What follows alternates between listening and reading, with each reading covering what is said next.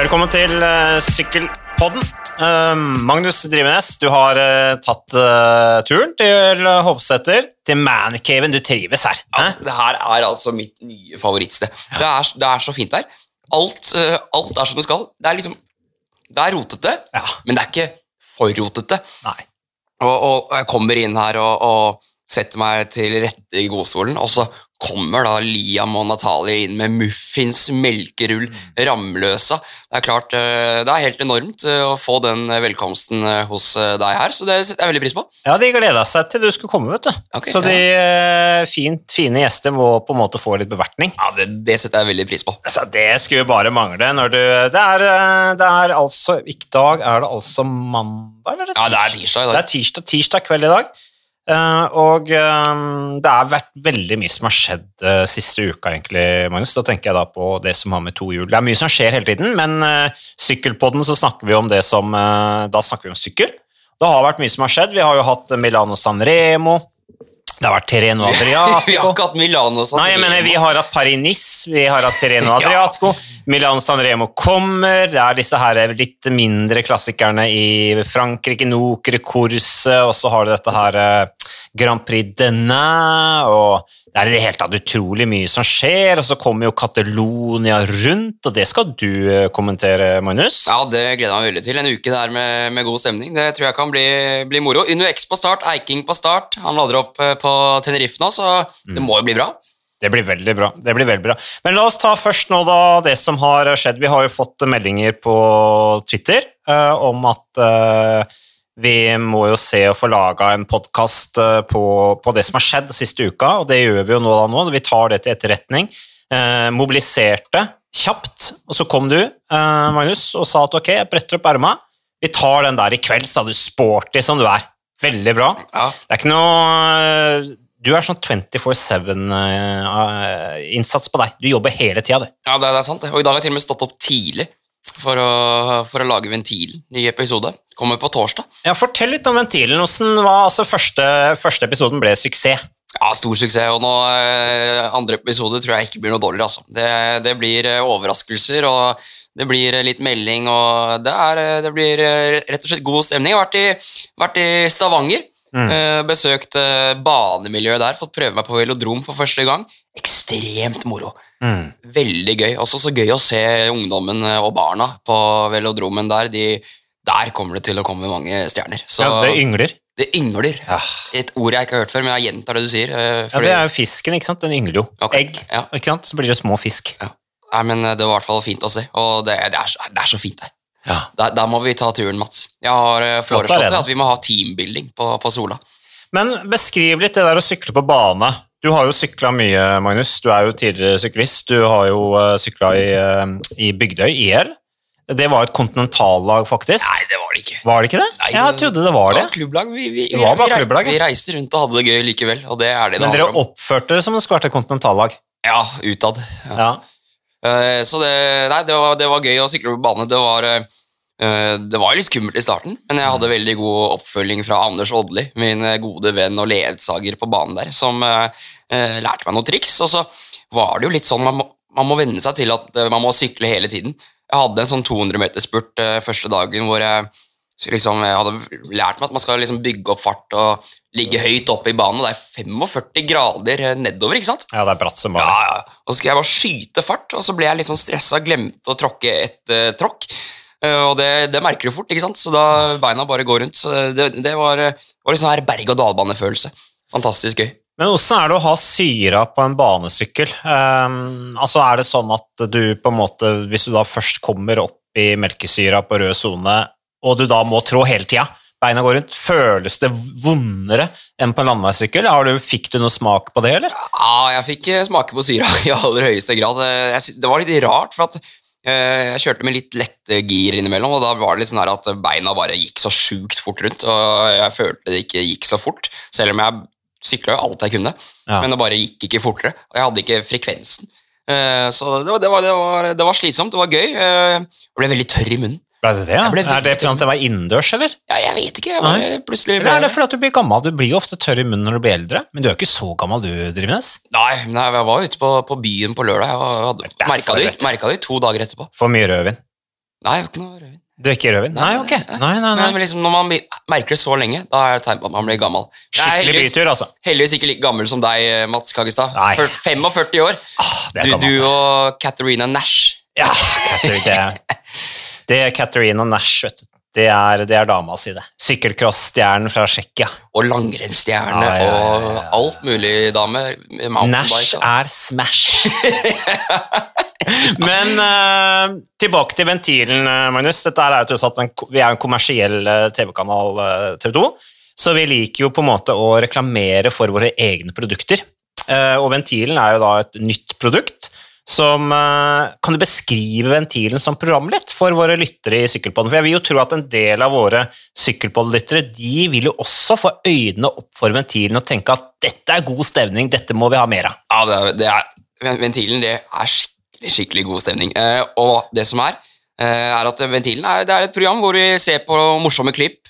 Vi har innslag, litt intervjuer. Eh, vi har hatt med oss Julian Dean i dag. Eh, det var veldig gøy. Eh, Men sa noe? Altså, Julian Dean, jeg, Ja, ja, jo ja. sykla sammen med Julian. Dean noen år i hjertet. Han hadde det, ja? ja, ja, ja. Han brummer jo, vet du. Han er jo som bamse. Ja, og det skjegget. Enormt, altså. Mm. Eh, nei, så han var fin. eh, og, ja, litt intervjuer, innslag, og se på de litt merkelige sidene ved sykkelsporten. For sykkelsporten, det er så mye som skjer. Mye rart som folk kanskje ikke får med seg, de som ikke følger så nøye med. Nei. Så vi, vi tar et lite blikk på det, da. Så det, det Sykkelsportens vidunderlige verden, på en måte. Ja, Mm. så det er vidunderlige og underfundige. Sykkelsport out of context litt òg, eller? Ja, på- ja, på en måte. På en Ja. måte, på en måte ja. Ja. Så det, det, det er gøy. altså. Det blir, det blir mer moro utover våren. Det er bare å, å følge med. Men er det sånn, Magnus, at uh, våre lyttere i, eh, i, eh, på, podcast, nei, på, altså på Sykkelpodden at, de, at vi kan oppfordre de til å sende Sykkelsportens skråblikk som innspill til deg, for eksempel, på sosiale medier? Ja, det, det, var, det var et kjempeforslag. Mm. Ja, kjempeforslag. For jeg har jo allerede gjort det. Ikke sant? Disse ja, bildene Ja, av Philip når han er opp ned i Vi, lufta. vi bruker det. vi bruker det. Ja. Ja, så, Så- det, er strålende. Det, send det til meg. At Magnus Drivenes i alle sosiale medier. Ja, enten på Twitter eller Du er på alle kanaler. Er du på TikTok òg, Jeg, jeg er på TikTok, ja. Ja. Hva heter den sjekkeappen? det er Tinder. Tinder, er du på Du er på Tinder? Nei, Jo, kom igjen, da! Du må jo bare innrømme at du er på Tinder. Hæ? Kan du ikke si det her på Sykkelpodden? Nei, jeg er ikke på Tinder. Er du ikke på Tinder lenger? Nei, jeg har sluttet- ok. sluttet det. Så slutta det. Ok, ja, men det er greit. Så sikkert mange pikehjerter som ble veldig skuffa nå, Magnus. Men, men. Sånn er det. Sånn er det. Uh, ok, men Kan du gi noen drypp fra ventilen da? Når kommer neste ventil? Vi gleder oss. Vi teller ned. På torsdag! Torsdag allerede, vet du. Ja, Det blir altså torsdag da 16. 17. ja ok, det er vel det. Det er vel det. 17. april. Mai, mai, mars. 17. mars. April Mars er det. Ja, Nå går vi litt i surr her, altså. 17. mars, da kommer det altså ny eh, ventil. Eh, og da er Kan du gi noe mer drypp om hva vi kan eh, Du har jo snakka om bane. Ja, du er altså kjempe- på Sola på velodromen. Ja, Kjempebra innslag derfra, det kan jeg si. Eh, Det blir, eh, Vi skal holde oss litt i underlivsregionen, faktisk. Eh, Vi skal eh, Apropos Apropos Tinder. ja, du, Mats, altså, nå må, du, nå må du roe deg ned her, altså. Um, eh, ja, Underlivsregionen? Underlivsregion? Jeg Ja, har aldri hørt det uttrykket før. Hvor er det igjen, da? Hvilken region er det? det er jo i underlivet skritt oh, Blant ja, annet, ja, der, ja. både foran og bak skal vi til denne gangen. Um, og ja, vi spilte jo det her i stad, så jeg burde huske litt. Da. Vi ser på litt uh, morsomme ting. Skal ikke røpe for mye heller, vet du. Nei, men første ventilen så var det jo barberte beina med Odd Christian Eiking. Det var gøy. Ja, Odd Christian Eiking, vet du. Ja. Han stiller opp. Ja, ja, ja, han syntes det var så moro. Det var veldig, veldig gøy. Og Eiking leverte der. Eh, Veldig fin fyr. Spennende å se hvordan han gjør det i Catalonia. Ja, Vi heier på Eiking. Vi kommer tilbake til Katalonien. Vi prøver å holde Ja. på en måte agendaen her. For nå har vi holdt agendaen veldig bra hittil, eller? Stramt skjema her på Sykkelpodden eh, i dag. Ja. Um, og da går vi over. Vi ikke leder oss til ventilen, men så må vi snakke litt om det som har vært. Og da tenker jeg, la oss først ta Paris-Nice. Eh, vi kommenterte jo første etappen sammen. Det var enormt. Ja, Jumbo Visma-show uten like. Ja, det, det, var, det var Jeg hadde ikke sett for meg at det skulle ende sånn. Eh, Så det var imponerende. Spesielt Christoffer Laporte eh, imponerte meg veldig der. eh, Hvordan han kjørte i bakken. Altså, kjører jo fra ryttere som Yates og altså, kjempegode klatrere som Laporte bare kjører rett av hjul. Ja. Og det var stort av Jumbo Visma å gi den seieren til, til Laporte. Så eh, det, var, det var en veldig bra førsteetappe, og så var det jo ganske bra action til slutt òg. Men det var jo litt smart av Jumbo Visma å gi seieren til Laporto. da. For det første er liksom, han er ny på laget. Gir han den tilliten? Franskmann eh, på hjemmebane. Paris-Nice, et av de største ritta i Frankrike. Stor prestisje. Han har jo ikke vunnet så mye. Plutselig vinner han, ikke sant. Det, tidlig. Det var andre rittet hans for Jumbo Visma, men en annen ting er jo sånn rent sånn eh, taktisk og, og fysiologisk også, så når han har den gule trøya, så sparer han jo Roglic for en del sånn styr, da. Mm. Med ikke sant, ekstra dopingkontroller og ekstra på pallen og ekstra intervjuer og sånt, så han sparte jo på en måte Roglic på litt bry, og endelig så vant jo da Roglic et etapperitt i Frankrike. Det første etapperittet han har vunnet siden Tour de Lain i 2020. Pandemi-Tour som det var ekstra høyt nivå på, riktignok. Men han har jo hatt gule trøye altså i Paris-Nice, Criterium Dauphiné, Tour de France, og alltid tapt den på spektakulært vis.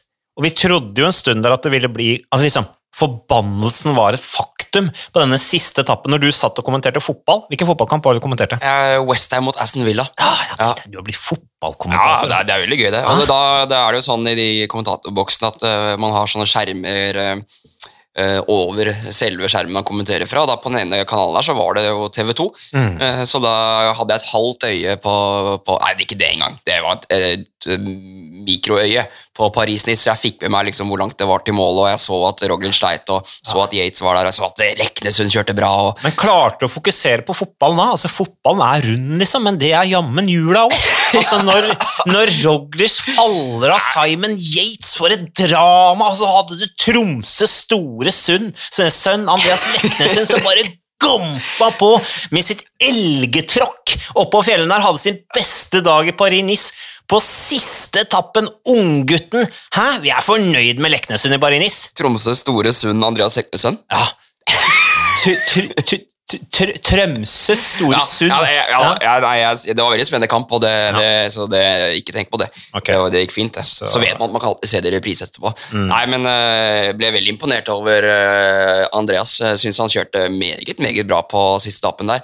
Eh, var jo i den der, var, han var vel topp åtte liksom over den nest siste bakken, og så samla det seg litt, eh, og de kjørte samla opp den siste bakken. Ja, og Col de Es. Ja. Altså, hvilket historisk sus det er over Col de Es. Liksom. Det som alltid har vært avslutningsbakken i Paris-Nice, der hvor de har kjørt alle disse årene med tempo opp osv. Altså, det er, jeg tror du egentlig Andreas Leknesund er klar over på en måte øh, det, den rammen han er en, Det bildet han er en del av. Altså, hvilket Ja. historisk sus det er. Altså, Nå blir det med 11 i Paris-Nice. Det er flotte greier, altså. Ja, det, det er veldig imponerende. og uh, Han sa det jo selv til uh, Sindre etter siste etappen, at han, uh, han tror han har i sitt livsform. At han kjører fortere opp bakker enn det han noen gang har gjort. Men så sa han vel også på typisk Leknesund-vis at det virker som de andre også har trent i vinter. Og eh, det, Han kjenner sikkert litt på det at han er i vanvittig god form, men det er ikke italiensk U23-ritt uh, lenger. Det er, eh, det er eh, de beste i verden Mm. uh, han, han kjemper mot, og det er eh, knallhardt nivå. Virkelig høyt nivå. Uh, og jeg sa det litt til deg da jeg var innom og hilste på før eh, min fotballkamp, og dere skulle kommentere Paris-Nice, at eh, i Terreno Adriatico så har jo DSM en eh, rytter som heter Tymen, Tymen Arensmann, Ja. som eh, kjørte veldig veldig bra i Terreno Adriatico, som også har gått litt eh, eh, tatt litt steg for steg, fått litt eh, sjanser i, i DSM. Et par år siden han var i Weltan og kjørte offensivt på masse fjelletapper og vært mye brudd og ikke, ikke helt fått de store resultatene. Nei. Men nå har han eh, gått litt eh, skolen da, i, i DSM eh, og var høyt høyt oppe i sammendraget. Vant vel den hvite trøya, ble nummer seks til slutt, mener jeg å huske. Ja. Eh, og var vel topp tre i sammendraget på et tidspunkt også. Eh, og jeg tenker at eh, det er sånne ting Leknesund må hente litt sånn eh, eller bli motivert av. da, At eh, det er på en måte mulig å, å gå den veien i, i DSM. og Mm. Selv om man er i sitt livsform nå, og selv om man, eh, man blir jo slått bare åtte minutter av Primoz Roglic sammenlagt der, og ah, ja. taper halvannet minutt på en sidevinstetappen, blant annet, men Mm. uh, så er det mulig å, å ta steg. Uh, han er fortsatt ung. Eh, det må vi ikke glemme. Så det her lover veldig godt, og bare glede seg til fortsettelsen. Mm. Ja, ja. Det var veldig lovende av uh, Leknesund, så en uh, ja, den faste spalten Ukas rytter, skal vi gi den til Andreas Leknesund, eller? Ja, nå har ikke jeg tenkt så mye på, eh, på, på den eh, spalten der, men vi kan Nei, gi det er den jo fast, det er en fast hver, hver, hvert program, men det er bare noen måneder siden vi hadde det sist. Ok, ja, men da, da gir vi den til eh, Leknesund. Det syns jeg han fortjent. Da gratulerer vi Andreas Leknesund med ukas rytter på Sykkelpodden. Det er, Du nevnte Arensmann. altså Arensmann er jo altså det er, det er jo, Vi har jo på en måte revet oss litt i håret over måten de driver ting på i DSM, og jeg sa det også på siste etappen i Paris-Nice at liksom, hvorfor i all verden sitter Andreas Leknesund der og tauer og drar inn på denne Promenade des Anglais hovedgata i, i Paris, nei, i, i Nis der, hvor det har vært målgang så mange ganger. Um, og så ofrer han seg da for en fjerdeplass da for Søren Krag Andersen. Men han gjorde jo det, da. Lojal som han er. Han er jo en skikkelig lagspiller. Og jeg sa jo da etterpå, for å skape selvfølgelig litt overskrifter, det er jo litt vår jobb i TV 2, så klinte jeg til litt og sa send den mannen til Tour de France. Og da var vel deg jeg satt på T-banen med, Stemmer. Og da, var, da kjørte du din konservative, litt sånn eh, Litt sånn, sånn snusfornuftige eh, tilnærming at ja, men Mats, det er jo mye bedre at han får kjøre rundt. Så altså, Jeg må gi deg! Spania rundt, drit i det! Nei. Send nå gutten til Tour de France, liksom. Spania rundt er et fantastisk ritt. Ja. Det har pa- passa Leknesund perfekt. Vi ser jo hvordan DSM kjørte i, i Spania rundt i, i fjor. Var det tre etappeseiere de tok der? Michael Storer og, og Romain Bardet og var jo i brudd med liksom fem ryttere. Sendte hele laget i brudd på disse fjelletappene og kjørte så offensivt og fint. Og det- det det- Jeg vil ha han til Tour de France. Ja, jeg også vil ha Leknesund til Tour de France. Ja. Det er ikke, jeg er ikke dum i hodet heller. Nei, nei, ok. Ja. Men uh, jeg tror at det mest realistiske er at han sykler uh, Welton, Ja. og jeg mener at det ville være en veldig fin uh, Grand Tour-debut for Leknesund. Ja. Kjøre med litt uh, frie tøyler der, få gå etter litt etappeseiere, eh, få en trekurstor i beina og Mm. eh, få kjent, eh, kjent litt hvordan det er å kjøre finale. Vi så jo hvordan det var i, i, i Vueltaen i fjor. Det var masse bruddseire, masse Mm. eh, ryttere som vant som eh, jeg tenker fort hadde vært sjanseløse på etappeseiere i Tour de France. Ja. Eh, så ja, da, det er ting er annerledes i Spania rundt. Det er Ja. det. Det er uh, andre som er i form, og folk som har på en måte gjort sitt for sesongen, og sånne ting, så dynamikken endrer seg litt. grann. Ja, så, så jeg er helt enig med Ja. deg sånn rent fornuftig sett, men, men Andreas Leknesund viser at han, hvis han blir sendt til Tour de France, så, så er han klar for det. Ja, ja, og det, Mm. det, er, det er jeg helt enig med deg. Ja. Helt enig. Det tror jeg han ville tatt på strak arm. Jeg tror også han ville syntes det vært utrolig gøy, og jeg tror det ville skapt en voldsomt engasjement. altså Den første fra Tromsø i Tour de France. Ikke sant? Hvor gøy er ikke det? Hele Tromsø kommer til å sitte klistra i juli og se på denne Grand Boucle rundt Frankrike med tre dager i Danmark, og det ville vært vakkert. Det ville vært vakkert. Men eh, Magnus, uh, Paris var eh, stilig, men vi har trådt det viktigste der. Eh, vi må, selv om vi er sjåvinister i TV 2, så må vi jo snakke litt om Terreno Adriatico. Eh, selv om vi ikke sendte det, så er det jo verdt å snakke litt om Pogasjar. Altså, er det mulig å bli så dominerende? Jeg så vel noe om at det er den største seiersmarginen på x antall år. Jeg husker ikke nøyaktig huet, men det var eh, ganske stor seiersmargin. Um, uh, uten at det er så viktig at jeg uh, finner det på mappa jeg har på Bogasjar. Men uh, han var suveren og gjorde som han ville. Og så har han jo også et helt fantastisk lag rundt seg som leverer så til de grader, syns jeg. Og det er liksom konkurrentene med Vingegård og sånn sier at det er, det er ikke noe å gjøre med. Eh, Det sa for øvrig Simon Yates også, før siste etappen i NIS, at han kom til å bare konsentrere seg om å kjøre for den andreplassen. Men uh, Roglic sprakk jo, og det var derfor vi da snakka om denne forbannelsen i, i, i Frankrike, at igjen skulle det bli en realitet. Men det ble altså to slovenere da, som vant på hver sin front i hvert sitt store enukes etapperitt. Eh, De to største til nå denne sesongen, Pogasjar i Terreno Adriatico, Roglic i Paris-Nice. Tror de er litt sånn glad for å slippe å møte hverandre. Ja, de virker som de styrer unna hverandre så langt det går, så eh, da er det bare ekstra god grunn til å glede seg til eh, Tour de France eh, når de eh, barker sammen til eh, duell, men for meg er det ingen tvil om hvem av de to som er eh, desidert sterkest for øyeblikket, og det er jo så klart eh, Tadi Pogacar. Eh, Han eh, vinner jo på alle mulige måter. ikke sant? Det kommer en sånn bakkespurt. folk er sjanseløse. Han er, er jo så Ikke bare klatrer han som eh, en villmann, men han tar jo disse spurtene også. Vi har sett det litt tendenser tidligere at han har en bra spurt når de kommer inn ti stykker, liksom, og Pogacar skal eh, spurte om seieren, så er han bra der. Ja, ja. Så eh, en vanvittig komplett eh, rytter. Eh, spennende å se hva han kan gjøre i Milano San Remo. Men du nevnte jo laget også til Tadej Pogacar. Og, Mm. eh, nå har de fått inn Marc Soler, som virkelig gjør en eh, veldig bra jobb. Rafael Maika har virkelig hevet Ja, seg. sterk, altså. virkelig hevet seg. Mm. Eh, så det ser veldig veldig lovende ut rundt, eh, rundt Tadej Pogacar. Og så Ja, det var jo et kult ritt på mange måter, Treno Dratico. Det var eh, Plutselig så angrep Remco Evenepool, og du hadde sånn mellombrudd med Pogacar, Evenepool og Ganna og Vingegård. og de, de setter farge på det, vet du. De, Men- de kjører ikke noe konservativt, de. De bare de gir blaffen. Ja, altså det er, det er noe med kjøring Jeg kjenner ikke helt igjen min egen idrett. Altså. Altså det, er, det er skjedd ting. Altså de, de, de, de kjører eh, mye råere enn de har gjort på lang tid. De kjører som juniorer. Altså De går jo til eh, midtveis hvert eneste sykkelløp de kjører, jo. eh, Og lager ekstremt lange finaler, så det er stort sett alt som er av hjelperyttere, er prella av, og de banker løs på hverandre, og det er den sterkestes rett for å bruke det uttrykket. Eh, For øvrig fant jeg det. altså Pogacar vant altså med 1,52, som er den største seiersmarginen på åtte år i Terreno Adriatico. Jeg så Daniel Lloyd, som er en veldig flink fyr, tidligere prosyklist, jobber jo i, i Eurosport. Han skriver altså for å sette litt eh, Pogacar sine resultater i kontekst. da. Pogacar har altså 37 seire, det er for, øvrig det samme antall som Al Philip, det er bare at Al Philip har vært på for mye lenger. 75% av disse seierne er i World Tour-ritt. Han har vunnet åtte av de ni siste etapperittene han har kjørt, og har vunnet ti av 16 etapperitt han har startet i som proff, og har altså vært topp ti i 15 av de 16 etapperittene han har deltatt i, og han har aldri brutt ett av de 36 UCI-etapperittene han har kjørt. Eh, og det egentlig det mest utrolige der er jo en ting av resultatene, men at han aldri bryter.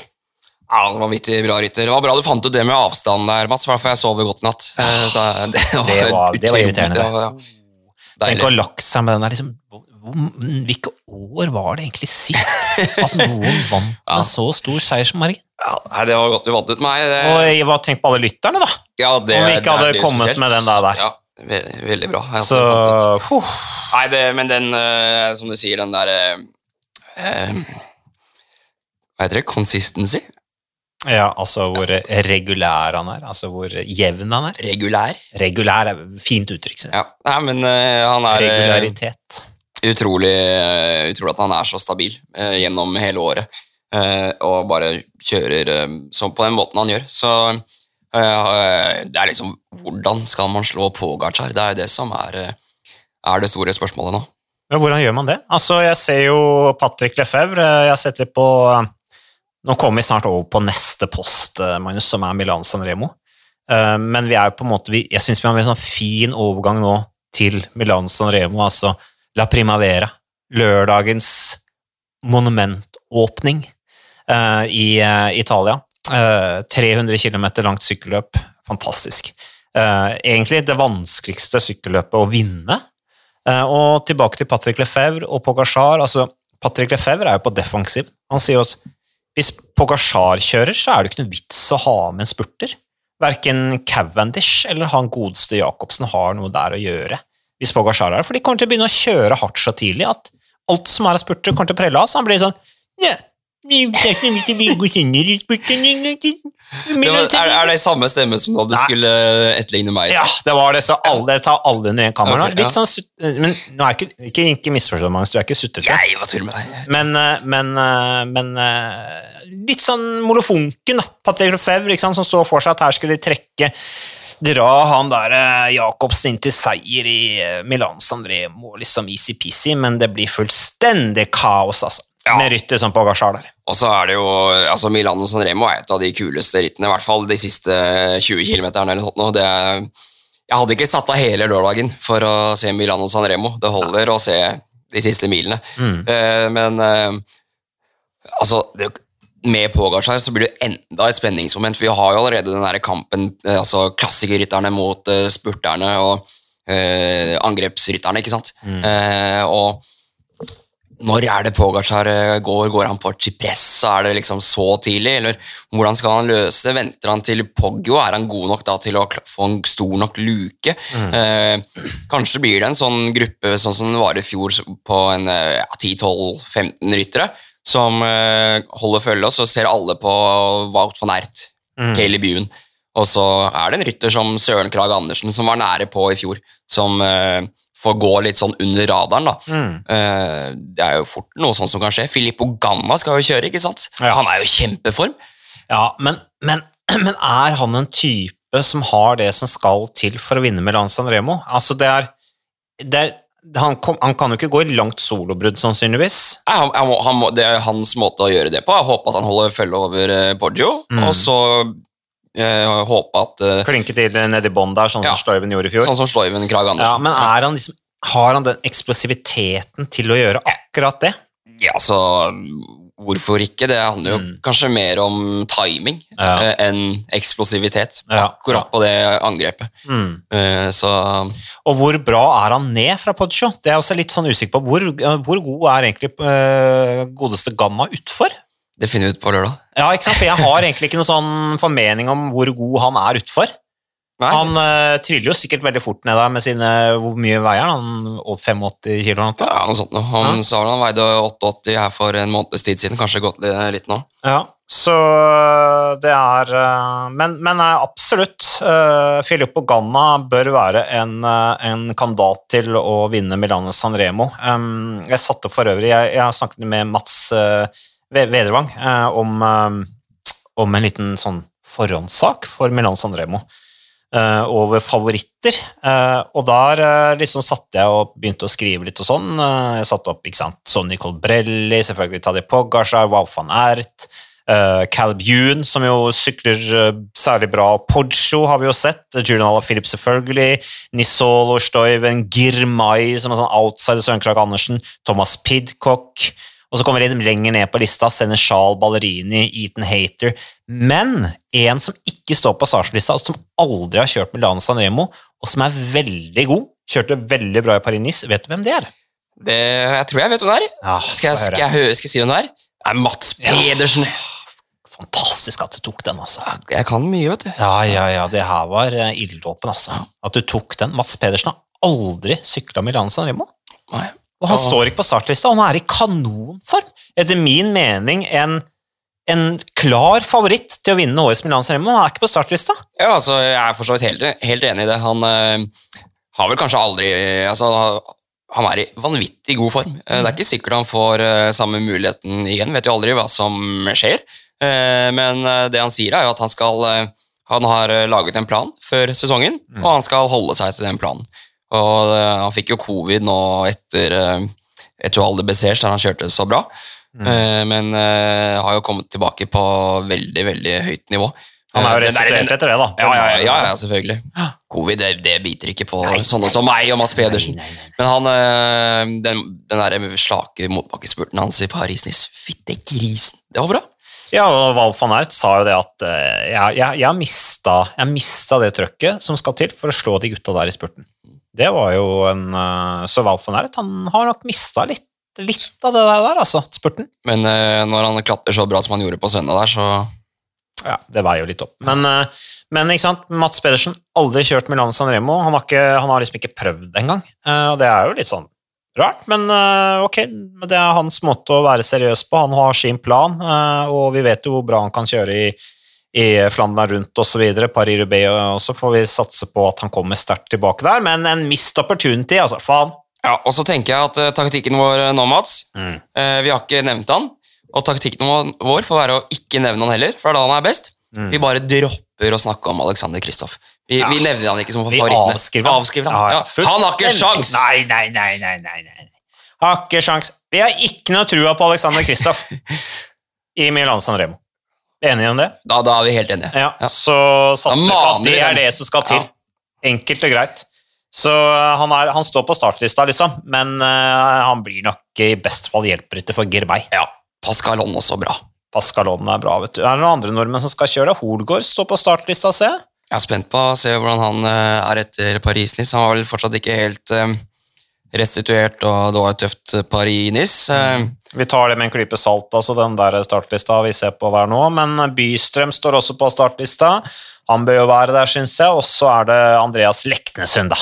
Helten fra Paris-Nice. Han skal. Tenk deg når han banker i løs oppover Poggio der, da.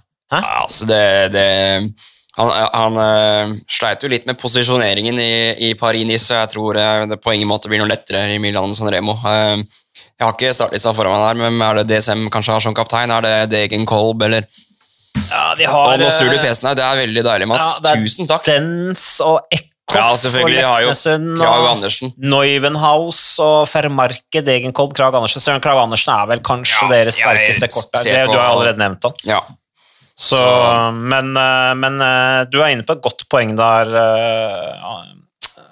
Magnus, at Leknesund sleit med posisjoneringen. Og det sa han jo. Har lært veldig mye. Har Gjort noen tabber, sa han, i, i Paris-Nice, så han vil nok spare en del krefter når han blir litt grann eh, mer offensiv over bakketoppene. Mm. Uh, i, sånn plasseringsmessig, for jeg tror ikke han er den beste utforsyklisten, og det der å havne langt bakpå da, det, da blir det sprekker i feltet, og så må han plutselig bruke masse krefter på å tette luker, og det, det skal ikke han bruke kreftene sine på, synes vi. Men eh, da er vi over på er vi, Har vi tatt det meste om Milano San Remo da, eller er det noe du vil legge til? Ja, vi, vi har vel uh, tatt, uh, tatt det meste.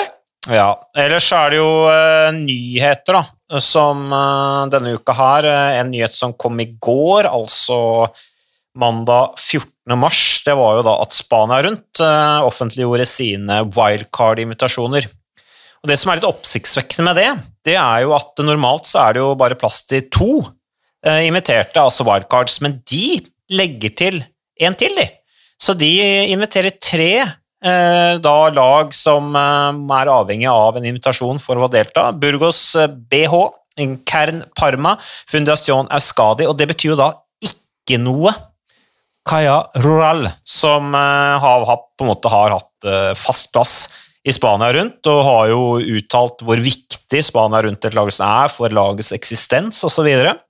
Så det er nok et eh, skikkelig slag i eh, trynet på det spanske pro Conti-laget. Ellers, eh, Magnus, så ble jeg litt sånn Jeg ble sånn irritert når jeg så den der, den der wildcard-lista og det der at de har tre lag istedenfor to lag. Det irriterte meg. For jeg tenkte, men hvorfor gjorde ikke Tour de France samme? Kunne ikke de også invitert et tredje lag og vært litt storsinna og tenkt litt utover, utover sin egen lille, smale, froskespisende, arrogante boks, og invitert da norske UnoX? Ja, jeg er for så vidt helt enig i det. Ja. Så jeg har også stusset litt over det. og så vi, vi vet jo ikke hva som foregår der. Det er ingen som skjønner noe som helst av det UCI og de Regler er til for å brytes. Ja. Eh, Men eh, ja, de har vel kanskje søkt og fått eh, innvilget, eller et eller annet. Og litt trist syns jeg at Kahar og Rural ikke er med. De er jo alltid med å sette farge på rittet. Har gjort det i mange år. Er en del av, av Spania rundt, synes jeg. Og de har jo henta Mikkel Neve i år. Blir ikke noe Spania rundt en Caja Rural. Nei. Så, eller vi må i hvert fall bare venne oss til det, da. Ja. Vi kommer til å savne de i feltet der med disse grønne og hvite draktene sine. Helt, helt middels drakter. Wow, det er sant, men um, du, du veit i hvert fall hva du får Ja, ja, i Caja Rural. Uh, I motsetning til Kern like change» Exchange Ja, sant, ja, ja. og sånt, som Ja. er plutselig blitt helt lyseblå. Så, så det um, Magnus, uh, ja, hva skal vi si om uh, Selv om vi er sjåvinister, altså det er Nokere-kurset, der kjører UnoX med nesten uh, Ja, det er to dansker og resten nordmenn. De har Lasse Nordmann Hansen, veteranen i uh, UnoX, uh, sammen med Morten Hulgaard. Og så er det Halvorsen, Gudmestad, Skårseth, Tiller og Wærenskjold som skal kjøre det. Spennende med Doffen tilbake. Ja, Åssen er det med Doffen? Har du hørt noe åssen det står til, eller? Ja, Jeg er ikke helt uh, sikker, uh, men jeg håper at det går eh, bra. Mm. Uh, han var ikke noe kjempeform i Etoile de Bezège, så Men Åkre Kårse er et ritt som passer han eh, veldig bra. Og så får vi se. Det er jo Tiller som eh, skiller seg ut som den eh, store, store kapteinen i Unex, sånn som han har kjørt i år. Er jo så utrolig sterk om dagen. Og den der brosteinsoppløpet der i, i, i Nåkre Korse, det burde passe han veldig bra. Mm. Uh, og jeg syns også Søren Wærenskiold har uh, vist eh, positive tendenser i de rittene han har kjørt. Sleit jo litt med sjukdom nå i Kyssesjuka. ja, ikke sant? Så, så at han har kjørt uh, såpass greit da, på de første rittene han har kjørt, syns jeg virker, virker lovende. Og en annen jeg vil trekke fra når vi snakker om nordmenn og sånt, så eh, Jonas Iversby Widerberg eh, Mm. tror også han eh, burde kunne gjøre det bra i, i Nokre Corsa. Han har kjørt offensivt og, og fint i, i de rittene han har kjørt uh, i år. Virker som han blir sterkere og sterkere utover i, i sesongen. Mm. Så det er bare å glede seg til, eh, til uh, det rittet. Milano, Tori, Milano Torin, er det ikke det det heter? Eller er det- Milano Torino kan Torino, mener jeg. Ja, der kjører jo også Edvard Baasen Hagen, ser jeg. Så det er mye nordmenn nå på, på ulike fronter, for å bruke det uttrykket. Ellers så har du jo da dette her eh, Grand Prix DNA. det har jeg faktisk kjørt to ganger. Eh, Tor Huse har vunnet det. Eh, Mange nordmenn som har gjort det bra der gjennom historien. De, de der kjører faktisk Primoz Roglic, altså. Grand Prix DNA. Jeg lurer på om det er fordi at han skal forberede seg til, til det som uh, måtte komme senere, at han bruker det rittet til liksom herdes litt på brostein og, og ujevnt uh, underlag. Vi vet jo at det er en tøff brosteinsetappe i, i årets uh, Tour de France, så det kan være at han bruker det til å forberede seg litt. Der får de smake på noe brostein i hvert fall i, i Grand Prix Denne hvor også da Uno X stiller til start, så det blir spennende. De kjører jo der med Ressel og Saugestad, Dversnes og Levi, Urianstad, Kulseth, Christian Kulseth og Iver Skårseth.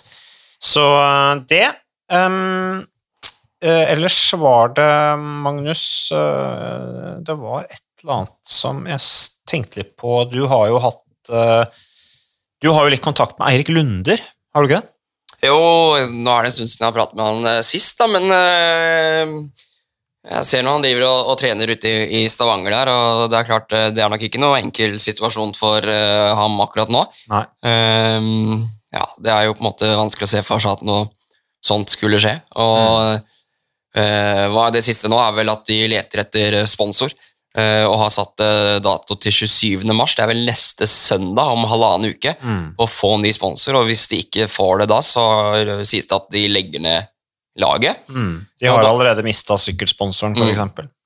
Som er Look. Um, Og da er det mange som vil stå igjen ut, uten uh, jobb. og så det er klart, Jeg syns det er veldig synd for uh, Eirik Lunder, som jeg syns er, eh, er en fantastisk uh, fyr. Fantastisk syklist. utrolig hyggelig og morsom type. Ja. Eh, og så Samtidig så tenker jeg jo at sanksjonene mot Gazprom de, det er jo det eneste riktige. Ja. Det er, er ikke til å komme unna. Eh, og vi ser jo hvordan det er med Chelsea nå i, Mm. i Premier League. Um, så det, er liksom jeg- jeg noe synes, større. Det er liksom Ja. noe større. Ja, det er, det er, det er eh, Jeg syns veldig synd på Eirik, som nå har da fått eh, Fått, endelig fått proffkontrakt, da. Ja. Og det, alt det innebærer. mm. Og det er på en måte ikke sånn at um, sykkelsporten er ikke det Altså markedet, overgangsmarkedet, er ikke noe enkelt på, på eh, i sykkelsporten. Det er ikke sånn at det bare er å Ok, La oss si at laget legges ned 27. mars, så Mm. har han nytt lag 28. mars. Mm.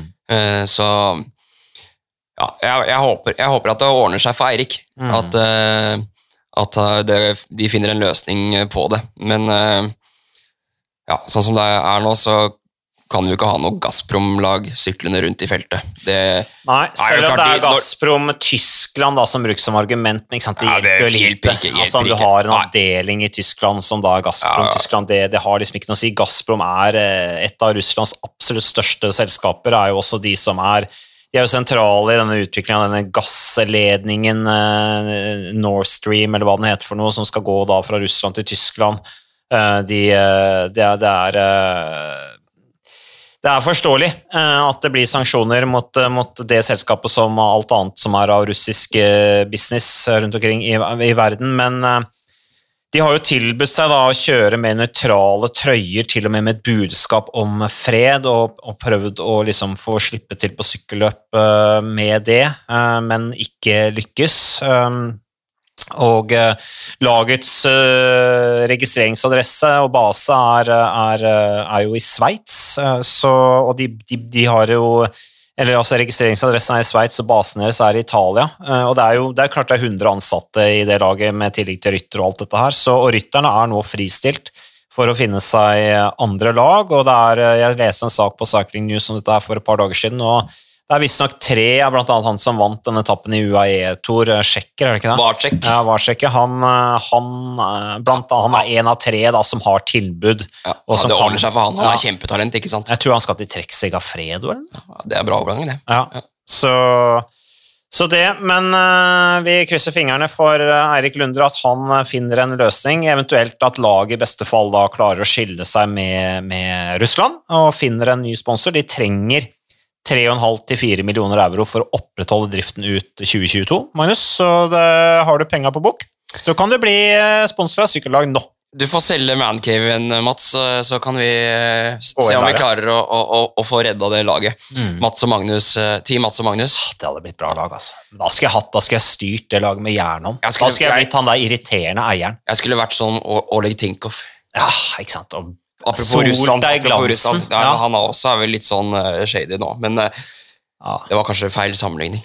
Nei, jeg syns det var grei sammenligning. Altså, vi, Oleg Tinkoff var jo en uh, Han var jo sånn solkongen i internasjonal sykkelsport en stund. Jeg husker intervjuet han da jeg satt på motorsykkel i Tour de France for noen år siden, og han hang ut av bilen og kjeda seg. Så kom jeg kjørende forbi da med den motorsykkelen og fikk et intervju med han. Litt av en type, altså, men businessen hans tror jeg ikke går så veldig bra. Han er jo under stor etterforskning i USA og greier lenge før dette her med, med krigen i Ukraina, så han har hatt trøbbel lenge. og gadd jo ikke sykkel mer. Han syntes det var for tungt. Han var jo en av de som var veldig tilhenger av å starte en sånn egen sykkelliga, eh, hvor på en måte sport Altså hvor da lagene skulle eie på en måte ligaen. da.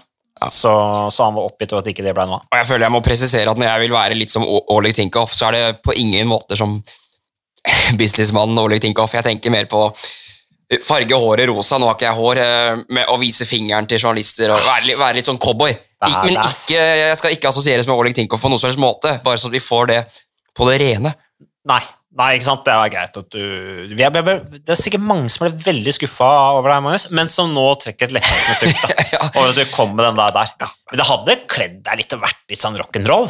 Altså, la, oss si at, Glem Ole Tinkoff, da, men la oss si at du hadde blitt lageier sammen med meg. Vi hadde tatt over driften av det sykkellaget. Uh, og vi hadde jo selvfølgelig da lagt masse penger under bordet og sånn, og kommet oss inn i alle de store ritta. Eh, vært uh, korrumpert som bare det. Kjøpt oss inn i de store organisasjonene, fått deltatt i alle de store sykkelløpene. Da hadde det jo vært en sånn uh, Det hadde vært litt av en duo ass, som hadde eid det sykkellaget da. Men da hadde du kjørt skikkelig rock'n'roll. Og du hadde selvfølgelig også da krevd at rytteren skulle trene med deg ikke sant? hele tida. Ja, Taue meg rundt på langtur. Ja, det hadde som vært, en del av kontrakten, liksom. Ja, på, ja. Men det hadde vært god guttastemning, det, altså. Det hadde vært veldig god guttastemning. Det hadde det. Men er det noe mer vi bør eh, snakke om da, Magnus? Er det noe mer som skjer som vi ikke har eh, fått med oss nå? Det er Um, alltid mye som skjer. eh, det er det. det. Jeg ser forresten at min eh, tidligere kollega og lagkamerat Morten Hegreberg, eh, sønnen hans Simen, Ja, han eh, sykler som bare det. ja, ja. Han trengte ett ritt han for å komme i gang, og så nå er han eh, vært på pallen i stort sett alt som er. Ja, og han, eh, apropos Nokre Korse, ble han vel nummer to i juniorrittet der. Mm. Så, og, og Morten Hegerberg var en av de jeg traff på velodromen i, i Sola. Trener for ungdomsgruppa der. Han og Stein Ørn. ene dagen var de der på banen med meg, og andre dagen spilte innebandy nede i arenaen på Sola der. Så det, det, de har det gøy, og det, det gror godt. Så det var, det var hyggelig å treffe den gjengen, altså. Men eh, det er jo også sønnen til Steinen er jo Ja. også Han går skolen, vet du. Han da, går skolen. Da kan jeg si sånn at han blir man bedre kjent med i Ventil. Ja, så da skal vi altså få altså stebroren til Alexander Kristoff. Halvbror. Halvbror, mener jeg. Unnskyld, halvbror. Unnskyld uttrykket. Halvbroren til Alexander Kristoff.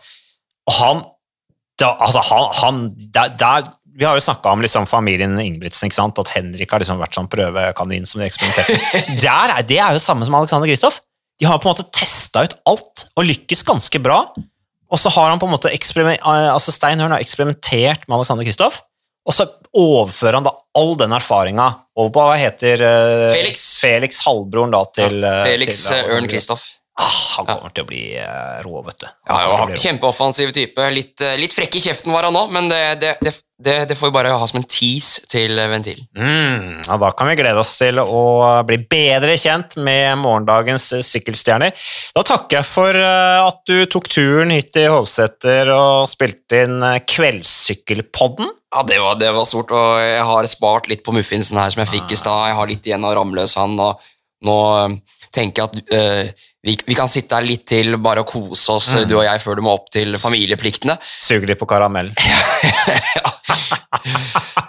Tusen takk for at du hørte på Sykkelpodden. Vi, er, eh, vi må satse på å være tilbake neste uke, Omes, må vi ikke det? Ta en liten sånn der eh, oppsummering av Catalonia rundt. Vi fikk jo ikke snakka så mye om det nå, da.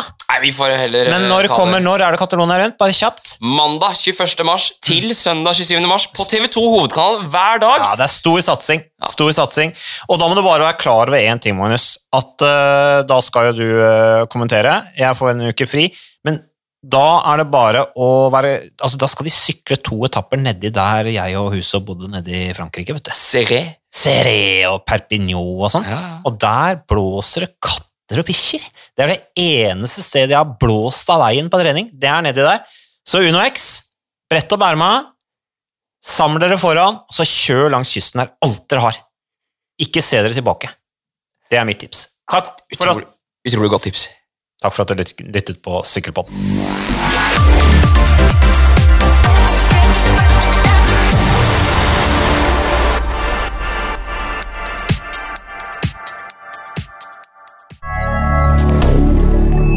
milliardaire